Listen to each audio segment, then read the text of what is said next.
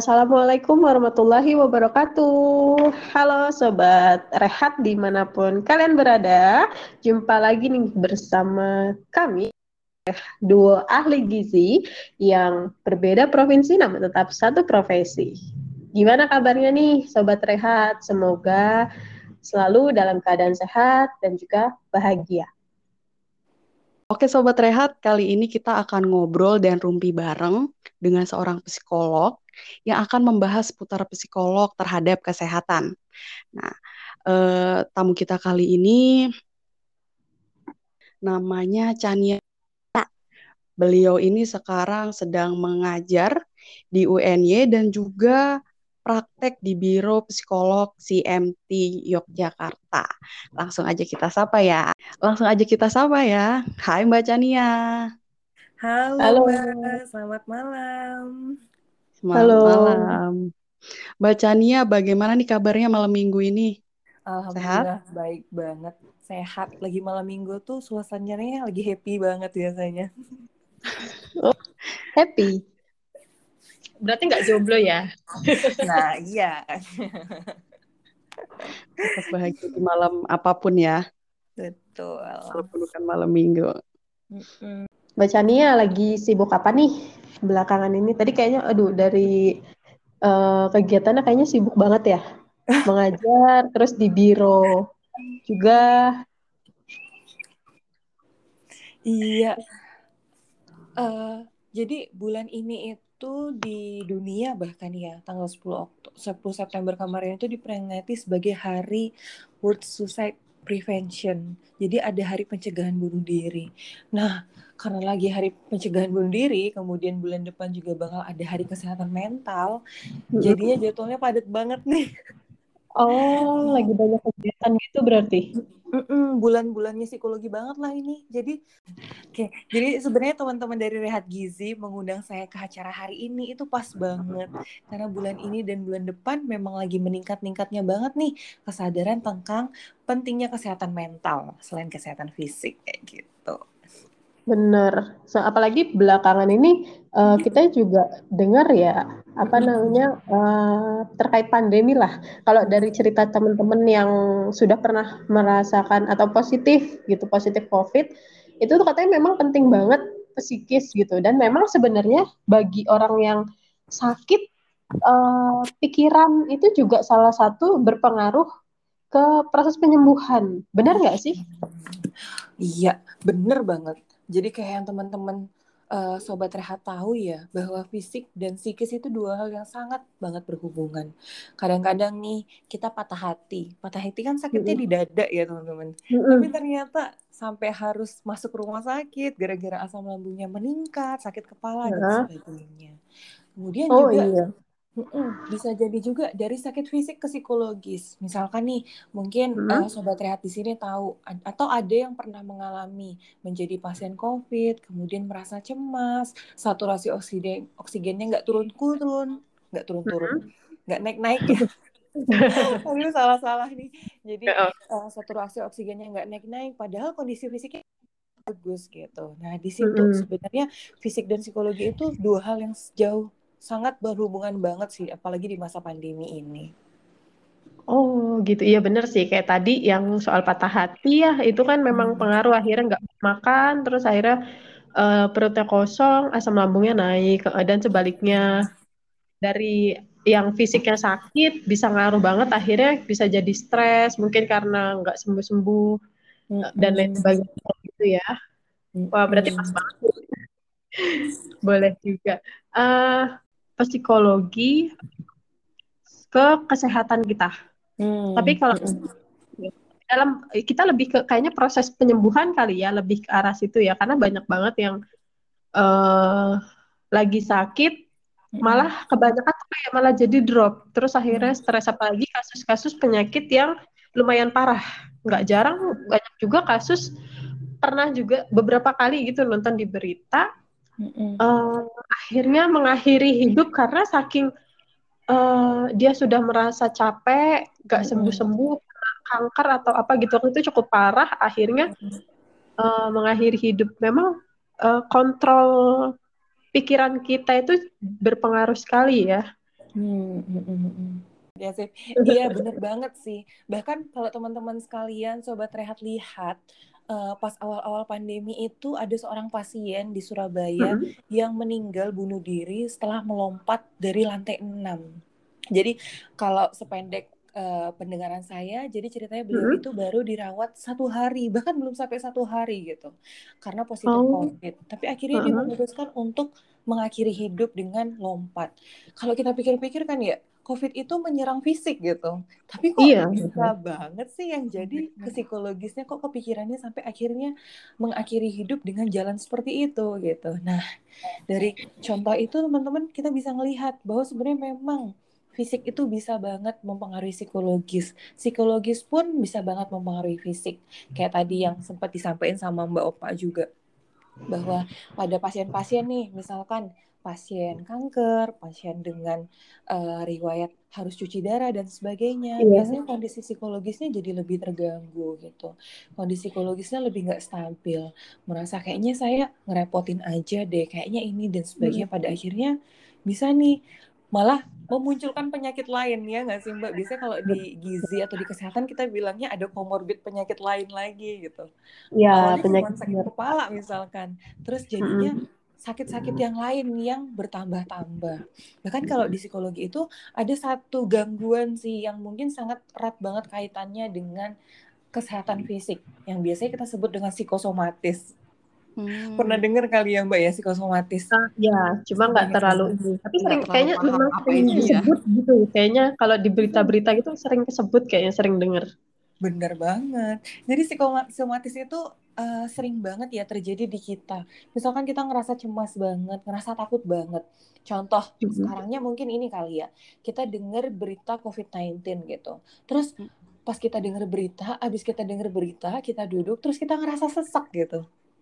Iya. Ngerasa sesak, pas dicek saturasi oksigennya turun gitu. Makin panik kan sebenarnya. Mm-mm, Betul. Nah, mm-mm. jadi itu adalah salah satu contoh bahwa sebenarnya uh, dari psikologis pun biasanya bisa jadi kegangguan fisik. Kalau psikosomatis Hmm. itu biasanya karena kondisi fisik kita, diri kita yang kurang stabil, kemudian uh, akibat satu kejadian ya entah habis kita nonton apa, habis kita shock tentang apa dan lain sebagainya, akhirnya kena ke fisik. Nah, biasanya orang-orang dengan psikosomatis pergi nih ke dokter dengan keluhan misalkan saya ngerasa sakit kepala. Kemudian dokter melakukan pemeriksaan dan lain sebagainya sampai akhirnya memutuskan untuk misal ya sampai CT scan gitu. Tapi pas di CT Hmm. scan nggak ada apa-apa sebenarnya aja. kepalanya. Bener-bener nggak ada apa-apa di Hmm. kepalanya tapi tetap aja dia ngerasa sakit kepala nggak dok ini kepala saya sakit banget dokter harus Mm-mm. percaya ini nih saya kayaknya kena kanker otak dan lain sebagainya Wow, sampai segitunya ya ada berarti ya.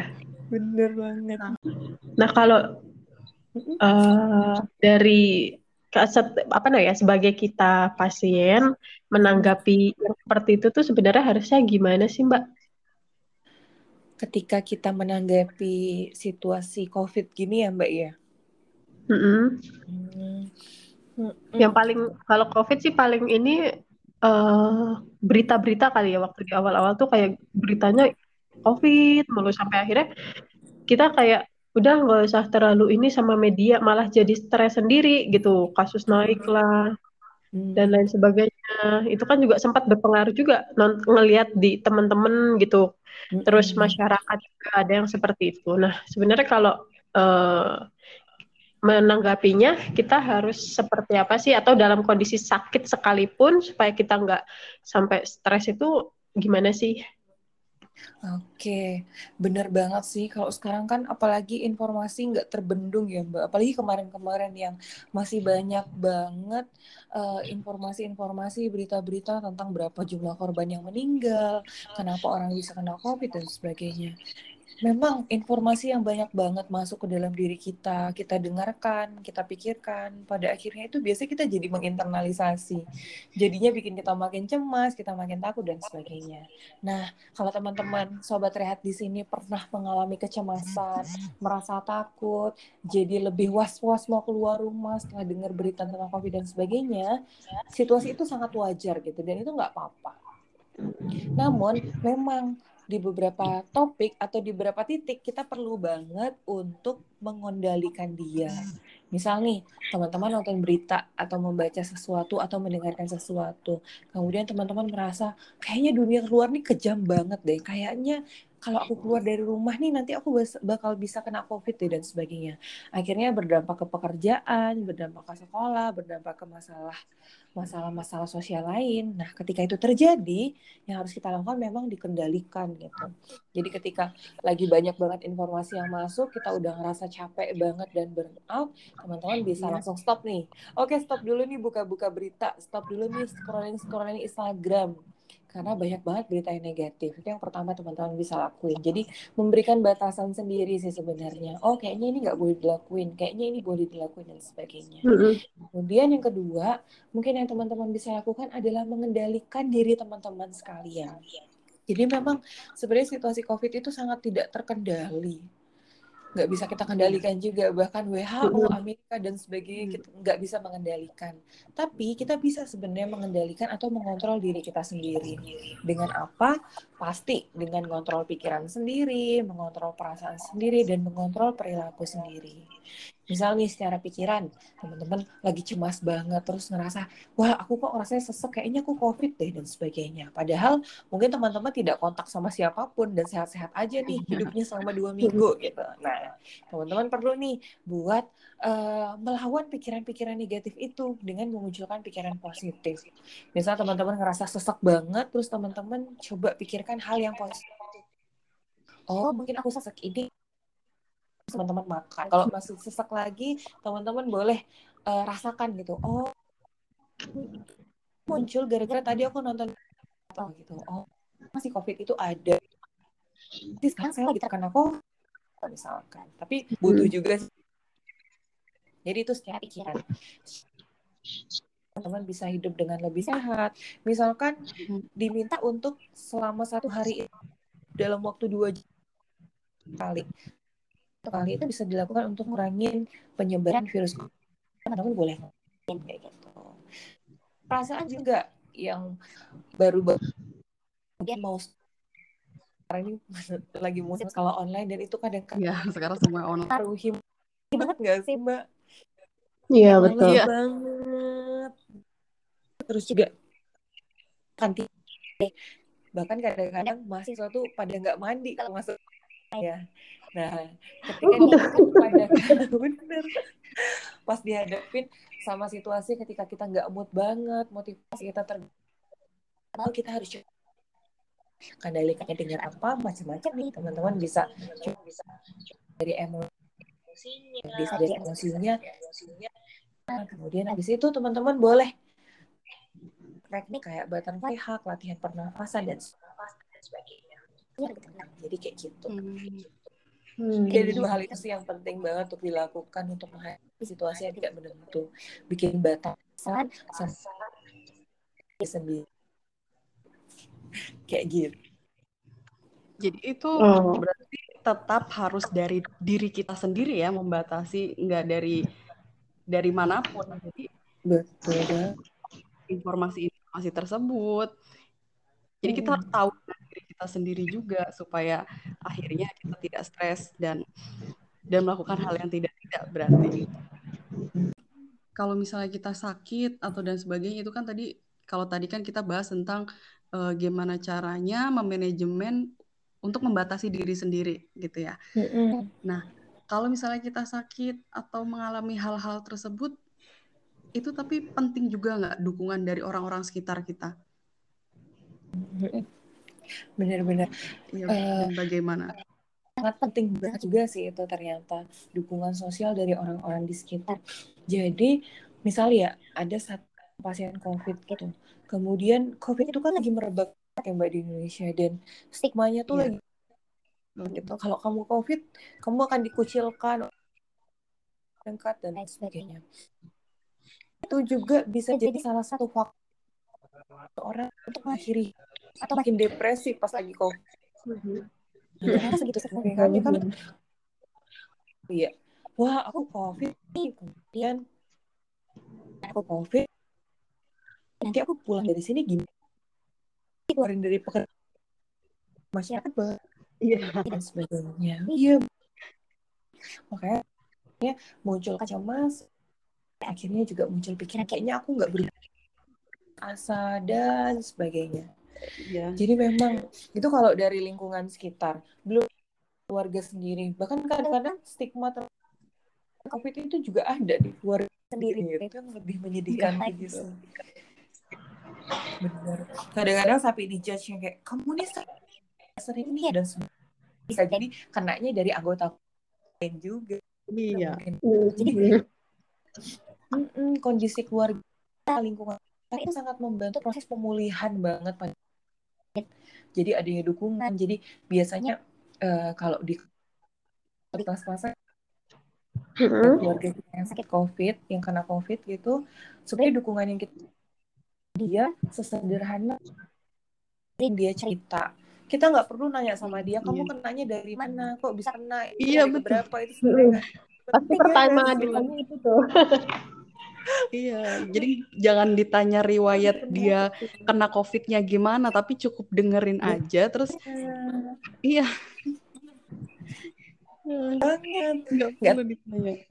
kita juga ini kali kan baru banget kita juga covid ini apa sih? Kok bisa kena sih? Ya memang ya. Ya biar nggak kena juga gitu kan.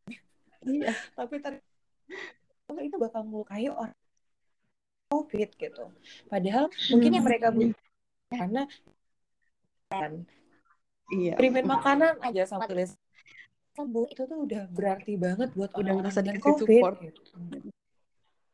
jadi nggak perlu dengan dengan nanya itu malah bukan dukung malah kepo ya Heeh. Malah bikin pusing aja. benar Sobat sehat di sini yang punya teman mungkin dia baru saja kena covid atau sedang dalam pemulihan teman-teman boleh dengan dia terus eh, misalkan kalian suka suatu aktivitas bareng-bareng lakuinlah via zoom dengan dengan mendengarkan selain mendengarkan Mm-mm. juga teman-teman bisa untuk ada aja di sekitar mereka tuh udah cukup sama Betul. satu lagi nih Mbak, biasanya Mm-mm. stigma yang ada di masyarakat terkait dengan COVID-19 itu bikin orang nggak mau cek, nggak mau swab, nggak mau antigen, Oh. nggak mau PCR. Iya, dan itu yang sering terjadi di puskesmas. Benar Benar. banget. Malah oh, udah langsung. Tahu-tahu saturasinya udah parah banget. Tahu-tahu makannya juga jadi terganggu. Ya kan nggak sih Mbak? Padahal bisa Iya. ada pertolongan pertama, tapi karena ada stigma di masyarakat, akhirnya itu nggak terjadi, gitu kan? Sangat amat kasihan nggak sih? Iya. Nah, terus Mm-mm. biasanya kan kalau pasien COVID ini itu juga kadang moodnya kan nggak bagus. Terus Mm-mm. juga kalau yang isolasi sendiri itu kadang-kadang Mm-mm. mereka tetap makannya siap antar dan sebagainya ya.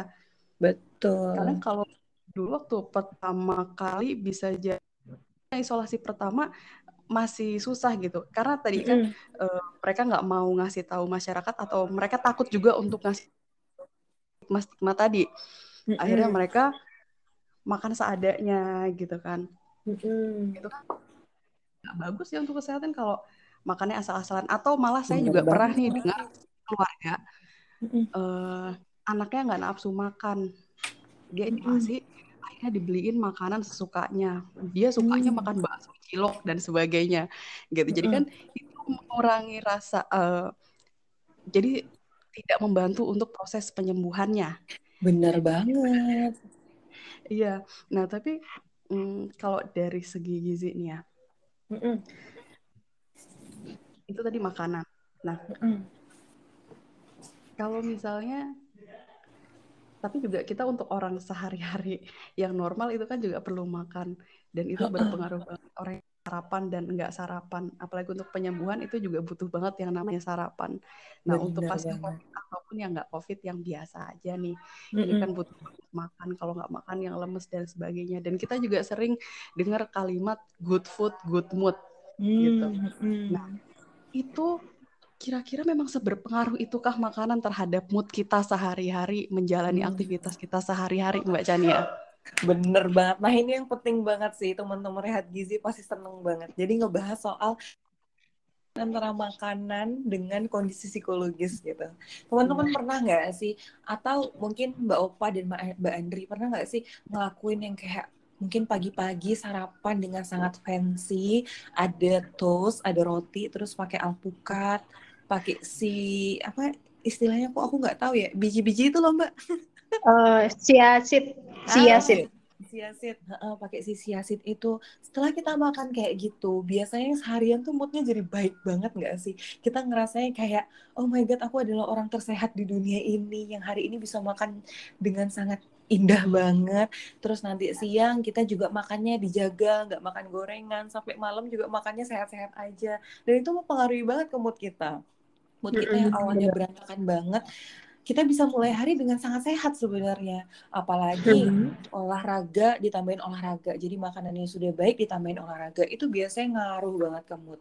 Dan makanan-makanan yang sehat, makanan-makanan yang bukan yang berminyak-minyak dan lain sebagainya. Kalau saya pribadi sih eh, dari Iya. pengalaman saya ketika saya nggak makan kayak gitu tuh bener-bener saya merasa hidup saya itu happy banget dalam waktu satu hari gitu. Tapi Mm-mm, balik kayak Bener banget, harus konsisten. Nah itu, jadi dari makanan pun bisa banget mempengaruhi mood. Kalau pada pasien COVID, bener banget tadi Mbak, banyak banget pasien COVID yang akhirnya misalkan ditemukan waktu dulu tuh banyak banget ya Mbak kasus-kasus uh, orang pasien COVID isolasi mandiri, kemudian pas dicek kondisinya tuh udah turun, udah parah banget. Iya. Ini kayak ayah saya kemarin sih. Jadi saya nggak ke sana, kemudian pas saya datang ke sana, setelah beliau sakit COVID 6 hari, badannya kurus banget bapak sama Hmm. ibu badannya kurus banget. Saya ngebayangin kalau waktu itu hari itu saya nggak ke sana apa yang terjadi ya gitu pasti kan nggak akan terurus gitu. Iya.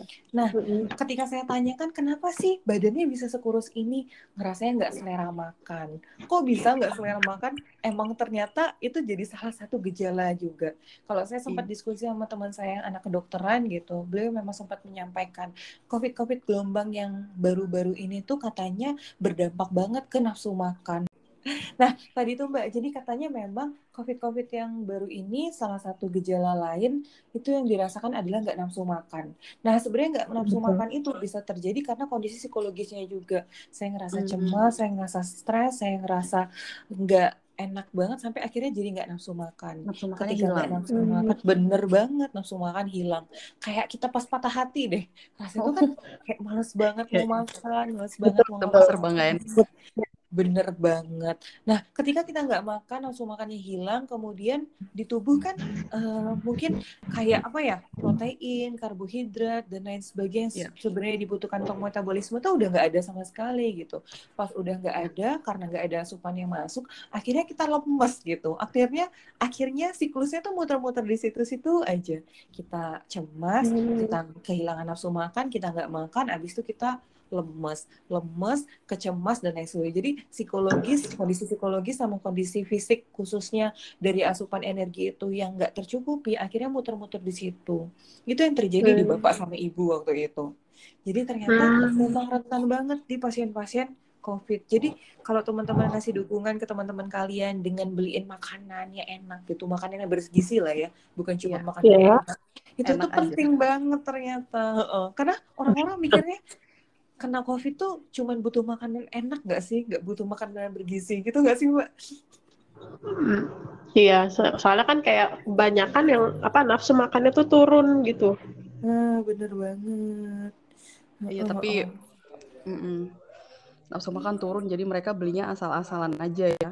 bener Yang banget. penting dia mau makan. Tapi Yang penting makan juga gitu, pemulihan gizi yang Bener banget. Jadi buat sobat rehat di sini yang mungkin masih pemulihan dari COVID dan sebagainya atau ada yang lagi mungkin lagi memperbaiki pola makan dan sebagainya. Jadi teman-teman sekarang udah tahu bahwa pola makan, makanan yang masuk ke dalam tubuh itu berpengaruh banget sama kondisi psikologis kita. Good food, good mood tuh bener banget ternyata ya Mbak. Banget. Bener. Harus kita jadikan kalimat pemotivasi di awal hari. Good Bener food. banget. Terakhir sebelum penutupan Eh, apa ya? Hmm, pesan buat anak muda maupun siapa pun yang mendengarkan. Iya, apalagi kan sekarang belakangan ini juga kayak uh, mental health gitu juga lagi rame banget. Benar di banget. kalangan uh, apa ya masyarakat yang bisa dibilang masih uh, dewasa muda lah gitu banyak banget. Kadang kayak self diagnose atau uh, merasa sendirilah intinya. Uh, atau memang dal mungkin dalam kondisi tersebut tapi nggak sadar gitu terkait uh, apa psikisnya sendiri. Terus mungkin juga karena dia ada penyakit berat gitu. Mungkin ada pesan-pesan buat sobat rehat Nah, terakhir mungkin pesan saya buat sobat rehat semua di sini, uh, kondisi psikologis itu sangat penting banget, sama pentingnya sama kondisi fisik, sama juga dengan asupan energi atau gizi yang kita terima di tubuh kita. Jadi buat sobat sehat sekarang yang sudah mulai memahami nih, ternyata mereka semua tuh penting. Nah, teman-teman boleh mulai dijaga, mulai di-maintain, makannya mulai diperbaiki, gizi yang masuk ke dalam tubuh diperbaiki, sama juga nih hal-hal terkait psikologis bisa dimulai dari membatasi misalkan kalian ngerasa udah cemas banget scrolling Instagramnya dihentikan dulu lagi insecure banget banding bandingin diri sama orang teman-teman boleh mm -hmm. stop dulu untuk tidak membanding bandingkan diri sama yeah, juga betul. kayak fisik kalau fisik mungkin uh, karena sekarang kondisinya pandemi terus melakukan pekerjaan semuanya dari rumah sampai kadang-kadang kita tuh lupa waktu gitu. Nah, kalau sobat rehat mulai terasa lupa waktu, badannya mulai minta haknya untuk istirahat jangan lupa dikasih. Jadi mulai sekarang mungkin kita semua ya bisa mulai menyadari bahwa fisik, psikologis, perut kita bahkan itu tuh punya iya. haknya. Haknya adalah dikasih yang baik-baik kayak gitu. Terima kasih banyak Mbak Andri dan Mbak Opa untuk undangannya hari ini. Semoga bisa ngobrol ya. lagi. Iya, kita juga terima kasih banyak atas ilmunya. Biasa banget nih hari ini ya. Semoga nanti bisa kita undang-undang lagi ya, kita ngobrol-ngobrol lagi nih. Boleh banget. Oke, okay. ah itu tadi obrolan uh, rumpi-rumpi kita malam minggu kali ini yang seru banget uh, buat kalian sobat-sobat rehat di mana pun berada kalau ada pertanyaan mau itu masih seputar psikologi atau seputar kesehatan silahkan langsung kirim pertanyaan melalui DM ataupun di kolom komentar kami juga boleh di @rehatgizi Oke, baiklah Sobat Rehat, sekian perbincangan kami pada malam minggu ini. Jangan sampai kelewatan mendengarkan podcast-podcast kami selanjutnya. Semoga kalian semua bahagia dan selalu sehat. Dan jangan lupa patuhi prokes. Wassalamualaikum warahmatullahi wabarakatuh. Bye, Mbak Chania. Terima, kasih, Mbak Chania.